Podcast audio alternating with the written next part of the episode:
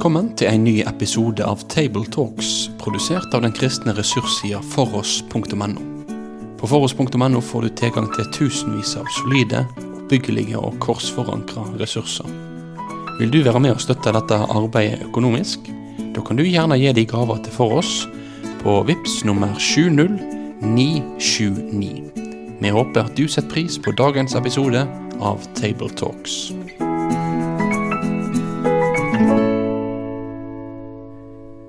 Da er dere hjertelig velkommen til en ny episode av Table Talks fra Kristiansand denne gangen. Og eh, i dag er det igjen Bjørn Hinderaker, jeg som leder dette, som er høyskolelektor ved NLI-skolen Kristiansand. Jeg har med meg Kurt Hjemdal, tidligere bibelskolerektor i Grimstad og tidligere sogneprest i Ski, og nå pensjonist. Og Mikael Brun, prest i Delk Kristiansand. Hjertelig velkommen, begge to. Eh, Det er alltid kjekt å sitte sammen og reflektere over eh, disse tekstene. I dag skal du lese igjen teksten for oss, Mikael. Og hva er teksten for denne dagen? Ja, det er altså Kristi forklarelsesdag, og vi er i Matteus 17, vers 1 til og med 13, og vi leser i Jesu navn. Seks dager etter tok Jesus med seg Peter, Jakob og hans bror Johannes og førte dem opp på et høyt fjell, hvor de var for seg selv. Og han ble forvandlet for øynene deres. Hans ansikt skinte som solen, og klærne hans ble hvite som lyset. Og se, Moses og Elia viste seg for dem og talte med ham. Da tok Peter til orde og sa til Jesus, Herre, det er godt at vi er her. Om du vil, så skal jeg bygge tre hytter her, en til deg, en til Moses og en til Elia. Ennå mens han talte, se, da kom en lysende sky og skygget over dem. Og se, det lød en røst ut fra skyen som sa, Dette er min sønn, den elskede. I ham har jeg velbehag, hør ham. Da disiplene hørte dette, falt de ned på sitt ansikt, fylt av frykt. Og Jesus gikk bort og rørte ved dem og sa, Stå opp og frykt ikke. Men da de så opp, så de ingen uten Jesus alene. Og da de var på vei ned fra fjellet, bød Jesus dem og sa, Fortell ingen om dette synet før menneskesønnen er reist opp fra de døde. Og disiplene spurte ham og sa, Hvorfor sier da de skriftlærde at Elia først må komme? Han svarte, Elia kommer nok, og han skal sette alt i rette stand. Men jeg sier dere at Elia allerede er kommet, og de kjente ham ikke, men gjorde med ham som de ville. Slik skal også menneskesønnen lide under dem. Da forsto disiplene at det var om døperen Johannes han talte til dem. Slik lyder det hellige evangelium. Takk skal du ha, Mikael. Sånn en eh, første umiddelbar reaksjon. eh, Hva, hva merket du deg, Kurt, akkurat denne gangen? Jeg syns jo det er så spennende at Moses og Elia dukker opp, og at de vet at det er Moses og Elia. Og jeg har ofte spurt meg selv hvordan kunne de vite det? Så det skulle jeg gjerne ha spurt dem om. Hvordan visste de at det var Moses og Elia? Men ellers så syns jeg jo det er vidunderlig dette at de får lov å få et gløtt inn i hvem Jesus egentlig er. Ja, det er jo en sånn wow-tekst. sant? Det er enorme ting som skjer. Um, det jeg merker meg mest, det er jo det, det som stadig vekker en grad av undring. Dette hvordan mennesker som møter Om det er engler eller om det er Guds egen herlighet, blir redde. Det er jo ikke sånn min ryggmargsrefleks egentlig ville tenkt. Jeg ville jo tenkt at Oi, men så fint å se Gud. Så fint å se en engel. Men, men det sier noe om den overveldenhet som man kan føle, rett og slett, eh, når man ser noe som er så radikalt hellig og annerledes enn en selv. Min eh, Akkurat gjennom, gjennom denne gjennomlesingen så tenkte jeg Oi, hva Peter sitt forslag om å bygge hytter her, var ikke det egentlig velment? Hvorfor, hvorfor alt dette dramaet? Det, det, det er Like før så har jo Jesus sagt til Peter Vik bak meg, Satan. Han, eh, han har gitt han en kraftig eh, korreks. Og her igjen ser det ut som, som, eh, som eh, Peter får en kraftig smell, og som, som liksom, Det er nesten litt urettferdig. Det er velment og ja. Så. Er det, jeg det karakteristisk. Det er så mange som er så velmente, mm. men det er så misforstått. Mm. Ja. Eh, og, og, det er også litt interessant at, at Bibelen gir jo ikke alle detaljene, sant? men den sier noe om en reaksjon og konsekvenser. Og så må vi prøve å forstå konteksten. OK, la oss, la oss, la oss gå nå til, eh, til eh, selve eh, sammenhengen for akkurat dette her. Nå er vi i Matteus kapittel 17. hvis du skal reflektere litt hvor, hvor, hvor er denne her fortellingen i hele Matteus sin fortelling? Ja, Det er jo veldig spennende. Det kommer kanskje enda tydeligere frem i Markusevangeliet enn i Matteusevangeliet. Men det er jo veldig spennende at Jesus blir forklaret seks dager etter, står det. Etter hva? Etter at Jesus for første gang har fortalt om sin lidelse, død og oppstandelse. Disiplene har fått sjokk. De har møtt et ord om Jesu vei som de overhodet ikke har ventet. Og så eh, da har altså Gud dem, tre av dem, få lov da å få et gløtt inn i hvem Jesus egentlig er. Så jeg tenker det er veldig meningsfullt, for de står overfor en ny øh, undervisningsdel som for dem er helt fremmed, og som kommer helt bak på dem. Og så kommer denne beretning øh, og gir dem på en måte innhold i det han har sagt. Han er virkelig den han viser seg å være, selv om de ikke skjønner det. Og For meg står det slik at denne teksten er noe av grunnen til at Peter tross alt eh, blir i live skjærtorsdagsnatt. Han har sett noe han ikke kommer forbi. Og på en eller annen måte må det være en sammenheng, selv om han ikke skjønner den. Eh, så for meg er konteksten veldig tydelig at uh, dette er et svar på lidelsesforutsigelsen, og samtidig en forberedelse på oppstandelsen. Mm -hmm. jeg, jeg, tenker jo også at det, det går an å se, se Matteusevangeliet, hvor, hvor Peters bekjennelse i kapittelet før, som en mm. slags klimaks. Ja, her, her har de innsett noe og så begynner Jesus å åpne mer, at han skal lide, og så kommer denne herligheten. ikke sant? Og, og veien mot lidelsen i Jerusalem er veldig tydelig etter dette her. Som da blir en helt ny dimensjon av, eh, for, for disiplene, rett og slett. Um, hvis, vi, hvis, vi, skulle koble dette her med uh, Gamle testamentet um, hva, hva, slags linjer ser, ser, vi der? Har du noen refleksjoner, Mikael? Vi må jo ta for oss dette med fjell, mm -hmm. som jo er en viktig sak i um, åpenbaringstradisjonen. Hvordan Moseloven sant, ble gitt til, til Moses på, på Sinai-fjellet. Og profeten Elia hadde også sitt møte med Gud på, på fjellet Horeb, og dette er jo to, to navn på samme fjell. Sant?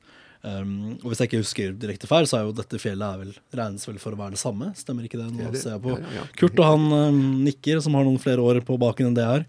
Så dette, når man leser dette her, og også for disiplene som var med på det her, kan man jo anta at har ant et og annet. Men det er også flere linjer til, tilbake til Det gamle testamentet. Hva, vi husker hva som skjedde med, med Moses da han møtte Gud og kom ned fra Sinafjellet, det var jo at ansiktet lyste som solen. De måtte legge et klede over han for å, at det ikke skulle bli blendet. Så her er det flere jo, paralleller. Hvis, hvis du tenker på Moseutgang Ingen fant ham, Gud selv begravet ham. Elia ildvognen kom og hentet ham. Og de snakker altså ifølge Lukas om hans opptagelse i Jerusalem. Så jeg tenker jo også der er det en spennende linje. De hadde begge to en spesiell utgang, og nå varsler de Jesus spesiell utgang med oppstandelsen. ikke sant? Absolutt, og jødene ventet jo også på at både Mos og Elias skulle komme tilbake før Messias, eller i forbindelse med Messias eh, komme. Så det var jo helt sånn, her er det ting som oppfylles mens, mens man er midt i det. Og så er det veldig interessant at når Gud taler Han taler ikke ofte i Det nye testamentet, men når han taler direkte fra himmelen, så siterer han alltid seg selv. Han siterer Jesaja 42, han siterer Salme 2, og her siterer han også 5. Mosebok 1815, hvor det står om den profeten som skal komme istedenfor Moses. Hør ham, står der i 1815 i 5. Mosebok, og her sier Gud, med bakgrunn i Salme 2 og Jesaja 42, Hør ham. Og så knytter han altså sammen tre sentrale skriftord om Messias. og anvender dem på Jesus. Når de ser opp, ser de bare ham. ikke sant? Og så har Gud altså selv utlagt Skriften for dem. Og så må jeg bare også få lov til å legge til dette med den lysende skyen, denne herlighetens sky som kommer over. Det er jo også et en, vi, kan, vi, kan, dra en parallell, en, en, linje tilbake til Guds sky som hvilte over tabernaklet, og også Guds sky som ledet Israels folk gjennom ørkenen. Det, det, er ikke ukjent at Gud uh, åpenbarer seg på den måten i en sky. Det er gjennom Gammeltestamentet både, både her og der. Og så møter vi det her. Og så møter vi det også på eh, Jesu himmelfart. En sky mhm. kom og tok han vekk, som ikke bare for disiplene ville være et, sånn, et meteorologisk fenomen, men så nettopp dette være dette bildet med Guds, Guds eget nærvær. Og Da fristes jeg til å ri en kjepphest, Bjørn. For jeg tenker jo denne teksten understreker hvor grunnleggende det er at du kjenner Det gamle testamentet hvis du virkelig skal ha med deg det nye. For du forstår ikke den teksten hvis ikke du kjenner disse gammeltestamentlige beretninger. Mm. Her er det altså fullt med gammeltestamentlig bakgrunn. En spennende tekst i seg selv, som har drama, og som plutselig vil få helt nye dimensjoner når du kobler til Det gamle testamentet. Så um, vi, uh, vi har allerede sagt at vi møter Moses og Elia. Uh, og at begge de, fortellingen om begge de to er at de, ingen av de led noen naturlig død. Um, som også i den jødiske tradisjonen i etterkant får de til å reflektere over ja, dette var ikke normale bortganger. Uh, som gjør det enda mer eh, relevant i en jødisk kontekst. At ah, det, er de, det er de vi møter her. Men hvorfor, hvorfor, hvorfor er det andre grunner for, for Moses og Elia? Ja, jeg tror det er en grunn til. For jeg tenker jo på at når Jesus har akkurat begynt å snakke om dette, at han som Peter har bekjent som Messias, veldig viktig i kapittel 16, når han sier om seg selv han skal lide og dø, så må det være litt av en øyeåpner, selv om de tydeligvis ikke griper det der og da, at nettopp de to store i den gamle pakt, loven og profetene, stiller seg opp sammen med ham og gir ham sitt vitnesbyrd. For det må jo altså bety at selv om de ikke skjønner den Messias-veien han nå har forkynt, så skjønner tydeligvis de gamle profetene, eh, Moses og Elia, eh, de forstår det, og de er på linje med ham.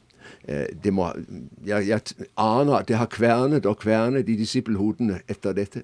For, for hva i alle dager? Hva, hva betød dette? ikke sant?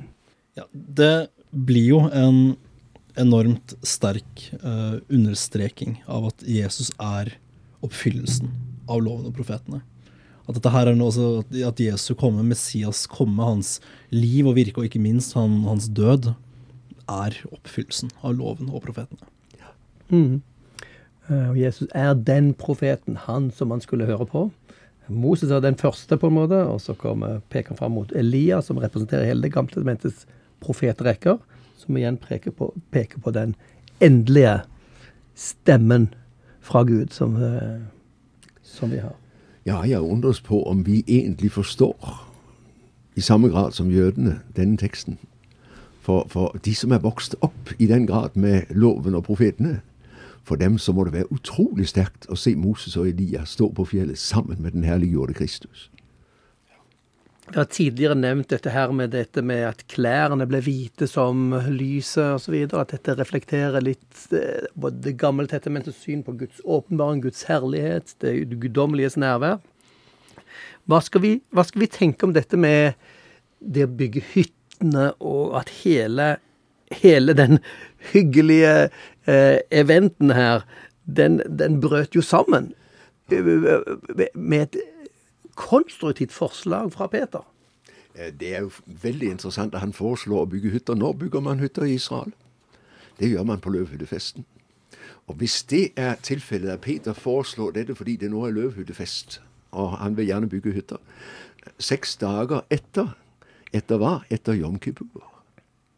Jesus har talt om sin lidelse, formentlig rundt Jom Kippur den store forsoningsdagen. Vi husker de to bukkene. Den ene som ofres og bæres, blodet bæres inn i det aller helligste, og den andre føres ut i ødemarken.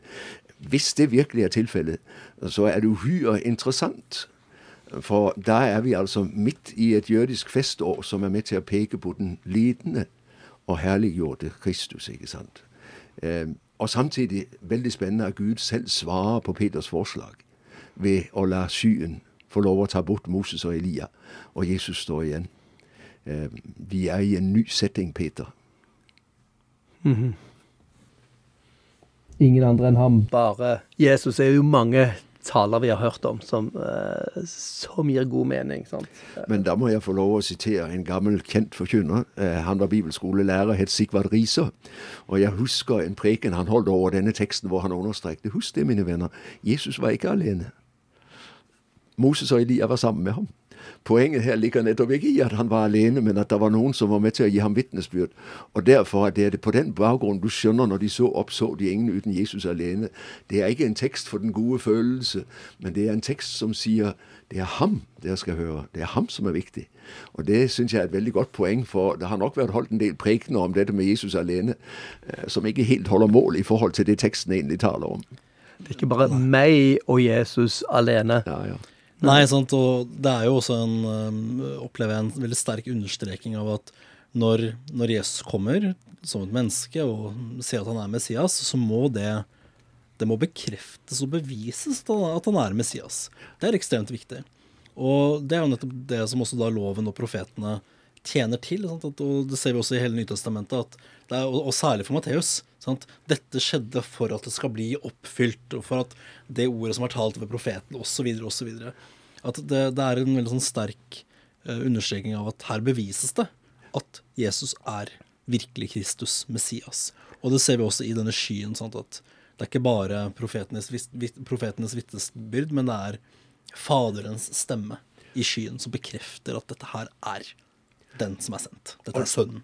Og det du begynte med, Mikael Jeg tenker på at du begynte med fjellet. Fjellet og skyen og Moses og Elia. ikke sant? Det er jo så til de grader Det gamle testamentet som her løftes opp for oss, altså sier Skjønner dere?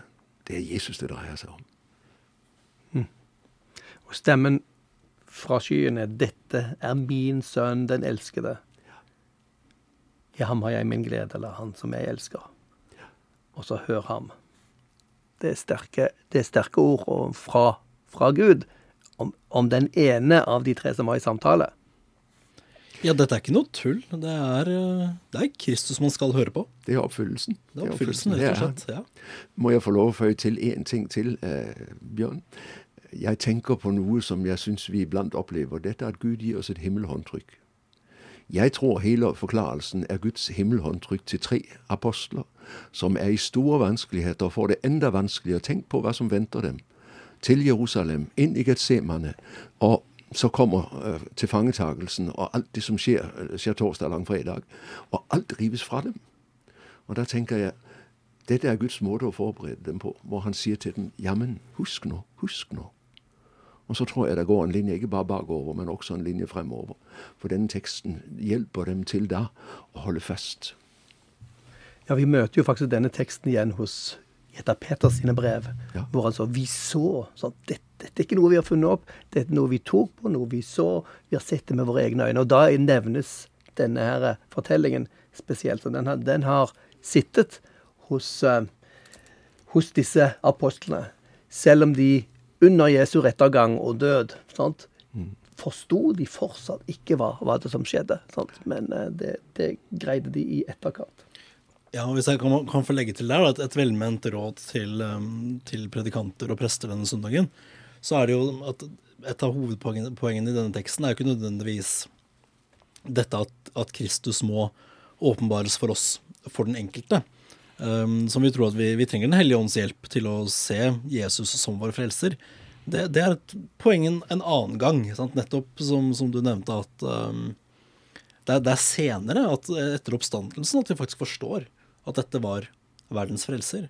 Men, men det vi ser her, er jo et, um, altså et, et glimt av Jesu egen herlighet, som, uh, som vi hører om også i Johannes 1. Sant? I, i, ham var, I ham var liv og lys, og himmelens herlighet og disse tingene. Dette som gjør at Moses, når han ser Gud, så begynner han å skinne. Men Jesus skinner ikke fordi han har sett Gud, han skinner fordi han er Gud. Um, et så, så, dukker det opp et, et litt merkelig element. Nå tenker de, nå har de sett det. Nå, dette er noe å proklamere. Og så møter vi en helt Det er typisk Det nye testamentet og fortellingen her at ting skjer veldig uventet. På veien ned fra fjellet ga Jesus de dette påbudet. Fortell ikke noen om dette synet før menneskesønnen har stått opp fra de døde. Hva, hva i alle dager er det? Når de nå både hadde forstått det, de hadde, Peter hadde bekjent det, de hadde sett det, og så Nei, nei, nei, vent, vent, vent, sier Jesus. Hva, hva er dette for noe? Dette går jo igjen når Jesus også gjør undre. Han sier jo til folk ikke fortell dette til noen. Hva det kan komme av, det kan være, kan være mye forskjellig. Men noe av det jeg syns å se, det er at når, når, Jesus eh, er på jorden, så har han en, et oppdrag. Han har noe han skal forkynne. Og så skal han dø. Han skal sone verdens synder. Og det, det, må skje før på en måte hele denne, denne naturlige verdensomspennende bevegelsen settes i gang. Sant? Først må han dø. Og da kan man på en måte også se alt det han sa og gjorde i, i lys av ikke bare hans død, men også hans oppstandelse. Det må ja. settes i sin rette kontekst, alt det han sa og gjorde. Det er vel dette de snakker om som Messias-hemmeligheten. ikke sant? At i, Etter pinsedag så skal du snakke om det alt du kan, men han må få tid til å gjøre ferdig frelsesverket først. Og derfor, vær så snill, ti stille, for tiden er ikke til å åpenbare det enda. Og dette var jo nødvendige deler av frelsesverket. Ja. Men som sagt, det måtte settes inn sin rette kontekst. Mm. Måtte, alt må ses i lys av. Ja. Døden, oppstandelsen og himmelfarten. Jeg tror nå også kanskje det elementet med, med de jødiske Messias-forventningene er et, et, eh, element som er naturlig herfor. Og, og nettopp derfor, nettopp derfor for, for, at de ikke foregriper og misforstår. Derfor må han ha tid. De må ja. ikke snakke om det. Ja, jeg tror det er helt riktig de, de, de, For jødene på den tiden forventet en politisk eh, Messias, en som skulle kaste ut eh, romerne eh, og til veie bringe Israels storhet igjen. Og vi vet jo hvor, hva romerne gjorde med Messias-pretendenter. Vi vet hvor, hvor mange jødiske grupper kaster seg etter sånne eh, mulige ledere, militære, politiske ledere. Eh, det finnes det faktisk ganske mange av. Og eh, Messias-tittelen ville skjøvet eh, si, budskapet i, i, feil retning. Absolutt. Det var, det var, jo syndenes forlatelse, altså proklamasjon av evangeliet og nåde fra Gud, som var det sentrale. Om, om Jesus hadde blitt løftet opp uh, som en en, en vertslig konge eller um, en frigjøringshelt, så hadde jo det kullkastet alt sammen. Og det er jo det du møter i Johannes 6. ikke sant? De kom og ville gjøre ham til konge etter brødunderet, og Jesus trekker seg tilbake, for han skal ikke være brødkonge, han skal være frelser. Ja, og det er, ja, og det er, jo, det er jo da interessant ikke fortelle om dette før menneskesønnen har stått opp fra de døde. Etter påske og pinse. Da. Ja men ikke før. Og hvorfor, uh, hvorfor etter påske og pinse? Nei, fordi det er frelsesverket fullført. Og samtidig, da er også Ånden kommet, så disiplene har forstått hvem Jesus er. Så de taler sant om ham. For nå ville de ha talt feil om ham hvis de hadde begynt å snakke om ham i denne konteksten. De er ikke der enda, de har skjønt hvem han er. Og det må de først gjøre. Mm -hmm. Absolutt. Også når Ånden er kommet, så, så, så da, da, blir jo forkynnelsen av evangeliet Det er jo da det blir et nådemiddel. Sant? Det det det. Um, ja, når ånden virker ved forkynnelsen. Det må først bli pinse før det kan skje. Ja. Mm. Og rett etter, rett etter dette så, så, er jo det de siste setningene her om Elia. Ja. Disiplene spurte om hvorfor sier Skriftene at Ali, Elia først må komme. Når, når, Jesus har snakket om at han er egentlig Messias, så spør de ja, men står det ikke noe om at Elias skulle komme i forkant? Så sier jo Jesus ja, Elias skal nok komme, og setter alt i rett stand, ja. Og jeg sier da Elia, er allerede kommet, og de vil ikke vite av ham. De gjorde med ham som de ville. Jeg tror jo at disiplene har et håp om at de der med kan skyve dette med lidelsen foran seg. ikke sant? For først må Elia komme. OK, dette ligger langt ute i det blå. Og så tar Jesus igjen teppet under føttene på dem. Han er allerede kommet. Det var døperen Johannes. Wow!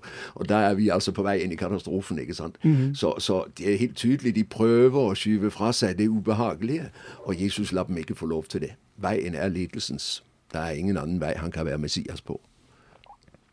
Og det, det, er jo interessant i, i lys av um, de mange skal si, Messias-profetiene i Gamletestamentet, hvor, hvor um, Gud lover gjenopprettelse, Gud lover fred, og, og de, de, lamme skal bli førlige igjen, de blinde skal få syne, fanger skal settes fri, og det skal bli paradisiske tilstander. Sånn? Og hvis det er vårt bilde av hva Messias skal bringe, så er det jo helt klart at både Johannes og disiplene her, altså døperen Johannes, som spurte de fra fengselet er du den som skal komme. At, eh, at, eh, men, men, var det ikke noe som skulle skje her, spør de. Og så sier jeg at det har skjedd med Elia. Det skjer i aller høyeste grad. Ja. ja. Og, og når, når, de forventer at menneskesønnen eller Messias skal sette alt i rette stand og bringe alle disse løftene fra Gammeltestamentet. Jo, og jeg tenker jo også, Vi har jo hørt ikke så lite i de senere årene om dette med herlighetsteologi. En del vil veldig gjerne ha en Jesus som gjør livet rikt, og som gjør at allting blir lett og greit. Jeg kan be til Gud, og så, så løser alt seg opp. Og så kommer altså denne teksten og sier han er herligheten, men veien til herligheten er korsets. Der finnes ingen annen vei. Vil du ha del i herligheten, så er du nødt til å følge ham på korsets vei. Hvem er disse i de hvite klær? Johannes' åpenbaring 7. Det er de som kommer ut av den store trengsel. Ikke forbi, ikke over, men ut av. Mm. Og uh, som, som uh, Johannes nok ville forventet, og apostlene ville forventet, så, så, um, så de for seg fredsriket og de, de store tingene som skulle skje, og som ikke skjedde med Jesus. Samtidig så de noen av tegnene fra dette gudsriket. At de lamme kunne gå, at de døve kunne høre. Og, og, det, og det, kommer sant, den, endelige, den endelige tid der alt setter sin, sin rette stand. Den, den, kommer, vi er på vei dit. Mm -hmm. Men vi er jo nå i den store trengsel og må først komme gjennom den. Mm. Ja, det er helt riktig. Vi venter på det øyeblikk der, der Gud gjør alt nytt, men vi er ikke der ennå, altså. Mm. Nei. Og eh, Det kan vi jo også koble til Jesu eh, introduksjon av sin tjeneste, hvor han sier at, at nå erklærer jeg et nådens år fra Jesaja 61. Og så neste setning i Gammeltestamentet er en hevnens dag fra vår Gud. Det sier ikke Jesus. Nei, det gjør ikke. Denne rettferdighetens dag og oppgjørets time, den kommer seinere. Men nå er det nådens tid. Og så er det veldig morsomt i den sammenheng, unnskyld jeg nevner det, men biskop Nordahl Brun i Bergen han skriver i sin mektige pinsesalme Ånd over ånder kom ned fra det høye, så skriver han du hevner deg kjærlig. Og så bruker han det ordet om hevnen til å si at Gud hevner seg ved å la mennesker bli frelst, og ved å la nåden gjelde. Og jeg syns det er så fornøyelig han bruker det perspektivet. For det er jo ikke tvil om at det er dommen over Babylon som egentlig er tenkt på, men han griper altså denne og forvandler den. Du hevner deg kjærlig ved å sende Den hellige ånd. Det var en eh, interessant, interessant språkbruk. Eh, og så for, for, oss, for å forstå Jesu komme, så er det jo viktig vi deler inn hans første og hans andre komme. Det er på hans andre komme at fullendelsen skjer, hvor det endelige oppgjøret med ondskapen skal skje. For det onde skjedde med Johan, døperen Johannes, det skjer med Jesus, det skjer med Guds folk fortsatt. Og så kommer den dagen med rettferdighet. Eh, den venter vi fortsatt på. Det er da resten sant, av profetiene vil skje. Og Det er jo interessant at når Jesus har talt om sin egen lidelse, og Peter sier ikke dette må ikke skje det Herre, så vender Jesus seg mot disiplene og sier om noen vil følge meg, må han ta sitt kors opp og følge meg. Der finnes ingen vei forbi Peter. Du må dø for å få liv. Og, den, den, teksten blir også en kraftig påminnelse om nettopp som du sa, Bjørn, forskjellen på Jesu første og andre komme. Det vi egentlig ser, det er jo nesten et um, et glimt av Jesu andre komme under hans første. Fordi i, når han var på jorden første gang, så var det en, en ydmykhet og en fornedrelse, sant, som vi leser i, leser i Filippe-brevet. At det var, her var det Herrens lidende tjenere som kom. Men denne Herrens lidende tjener som kommer, er også himmelens konge. Så det ser vi et glimt av. Ja, fordi han har gitt livet sitt, står det i Jesaja 53, skal han få bytte og leve lenge. Det er en oppstandelse og en herlighet som venter. Takk og lov. Ja, med det så sier vi takk fra Table Talks i Kristiansand, eh, og på gjenhør. Da vil vi si takk for at du valgte å få med deg denne episoden av Table Talks, produsert av den kristne ressurssida foross.no. Driftinga og utviklinga av nettsida vår den er avhengig av gode og trufaste støttespillere. Vil du gi ei gave til dette arbeidet? Da kan du gi den via VIPS nummer 70929, eller så kan du besøke foross.no for mer informasjon om å kunne bli en fast giver. Ha en god dag videre.